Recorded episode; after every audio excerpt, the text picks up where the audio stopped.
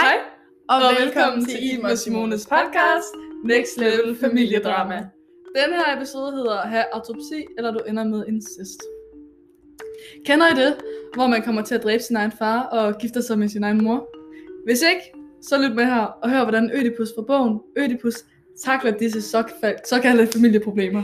Lige præcis. Øhm, til at starte med, så har vi lige lidt forhistorie, vi vil fortælle, øhm, for at I ligesom kan forstå vores øh, analyse af Ødipus-karakteren.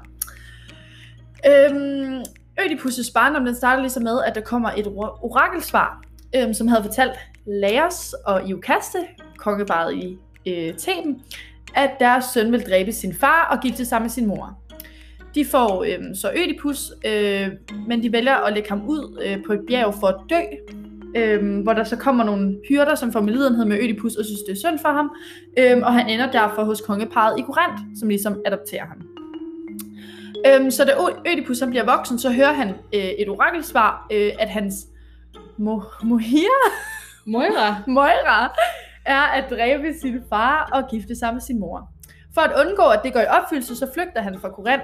Øhm, og ved et vejkryds, øh, så slår han ligesom øh, en mand ihjel, men han tænker ikke videre over det. Fordi han ved ikke, at det er kong Laios, som er Ødipus' rigtige far. Da han så kommer til byen Theben, øh, så løser han en gåde, hvilket gør, at han redder Theben fra øh, pest, som havede virkelig meget i det gamle Grækenland. Øhm, og som belønning for det her, så bliver han ligesom konge af Theben og får Iokaste, sin egen mor, som kone. Ja. Øh, så hvis du går og er bange for at gifte dig med din egen mor, og måske dræbe din egen far, så lyt lige med til, hvilket karaktertræk Ødipus har. Bare lige for at se, om du minder lidt om ham. Hvis du gør det, så skal du måske lige genoverveje dine værdier, øh, da det ellers kan føre til, at du en dag finder ud af, at du er gift og har børn med din mor, og muligvis er kommet til at dræbe din far. Øhm, Ødipus, hans øh, ethos, det er handlekraftig, ansvarsfuld og modig. Øhm, lige præcis som sådan en græsk held, som vi kender den, skal være. Ja. Han er konge i Theben, og han er søn af Laos og Eukaste. Men i virkeligheden så lever han i Ate. Og det gør han, fordi han ikke har indset, hvem han i virkeligheden er, og hvad hans møg Moira. Moira er. Han mangler visdom og respekt for de her guder. Øhm, og det, det gør, at han ligesom øhm, begår hybris. Og det er også med til at skabe alt det her kaos, som vi kender fra den tragiske drama. Ja, og Ødipus opnår den her anagonorisis. da hyrden endelig bekræfter, at Laios og Jokastes søn ikke er blevet dræbt, men reddet af hyrden. Og Ødipus siger så vel, Mm-hmm. Åh, ved mig, alt var sandt. Jeg ser det klart. Åh, sol, så lad mig se dit lys for sidste gang. Jeg fødes først i skyld. Jeg fik en brud i skam. Jeg dræbte selv i skændsel ham, som var min far. Fra vers 1181 til 184. Det her, det siger en del om hans karakter, da han som sagt går i øh, Ate, og ikke sådan har ved tro på de tegn informationer, han har fået omkring sin egen familie og sin egen mora, Moira. Mm-hmm. Og hele det her scenarie, det er lidt ironisk, fordi at øh, han fik jo nemlig kongetroen, fordi han løste en gåde, som ingen andre kunne løse. Og dermed er det lidt skørt, at han ikke selv kan løse den her gåde om, hvem der dræbte kongen. Så hvis vi kigger på side øh, 49 til 42, det fortæller også en del om øh, Ødipus karakter. Fordi i disse sider, der er Ødipus meget beskyldende over for krægeren. Øhm, fordi at han ligesom tror, beskylder kræeren for at have begået det her kongemor. Øhm, og han er ret bestemt over for sin beskyldelse, og han giver sig ikke rigtigt. Så øhm, når han siger, så siger han det her. Når nu min forfølger går rask til værk, så må jeg være rask i min beslutning selv. Vers 616 til 617. Og det forklarer ligesom, at han er meget det er hans beslutning, og den bliver han nødt til at stå ved.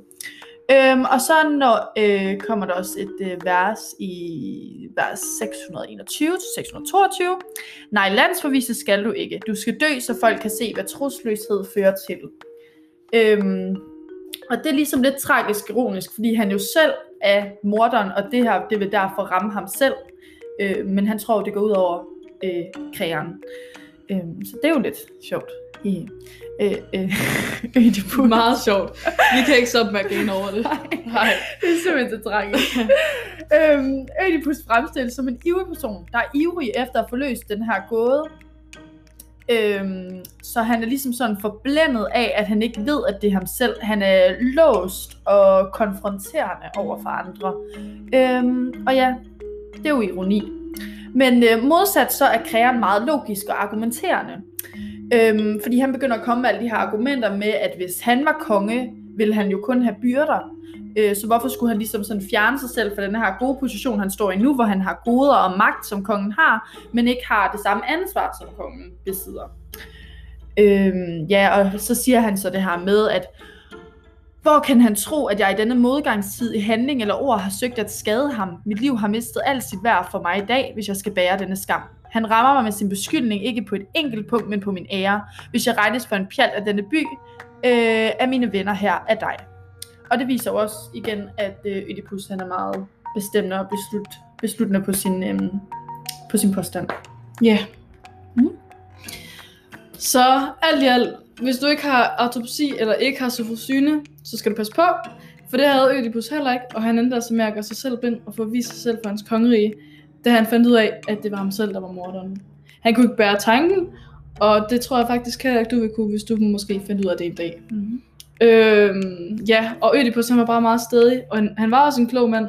Øhm, han var bare igen ramt af den her ate, som fik ham til at ja, miste sin godhed. Ja, men også med Kreon. Altså sådan, de var jo venner. Ja, Eller sådan, lidt ligesom brødre, hvis vi... Ja. ja men det er også rigtigt. ja. Øhm, Hvor det er, de jo kaste kommer ind, der ligesom skal, hvad hedder det? Skilte med. Skilte med som en slags moragtigt. ja.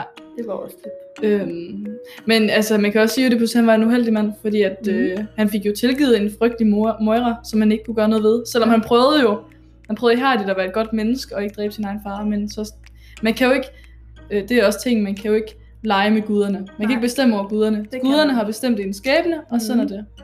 Ja. ja.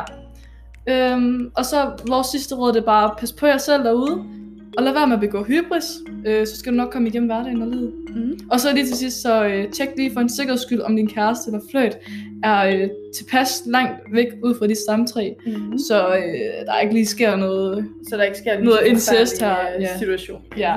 Ja. Altså, for det endte ikke godt jo. det gjorde det ikke.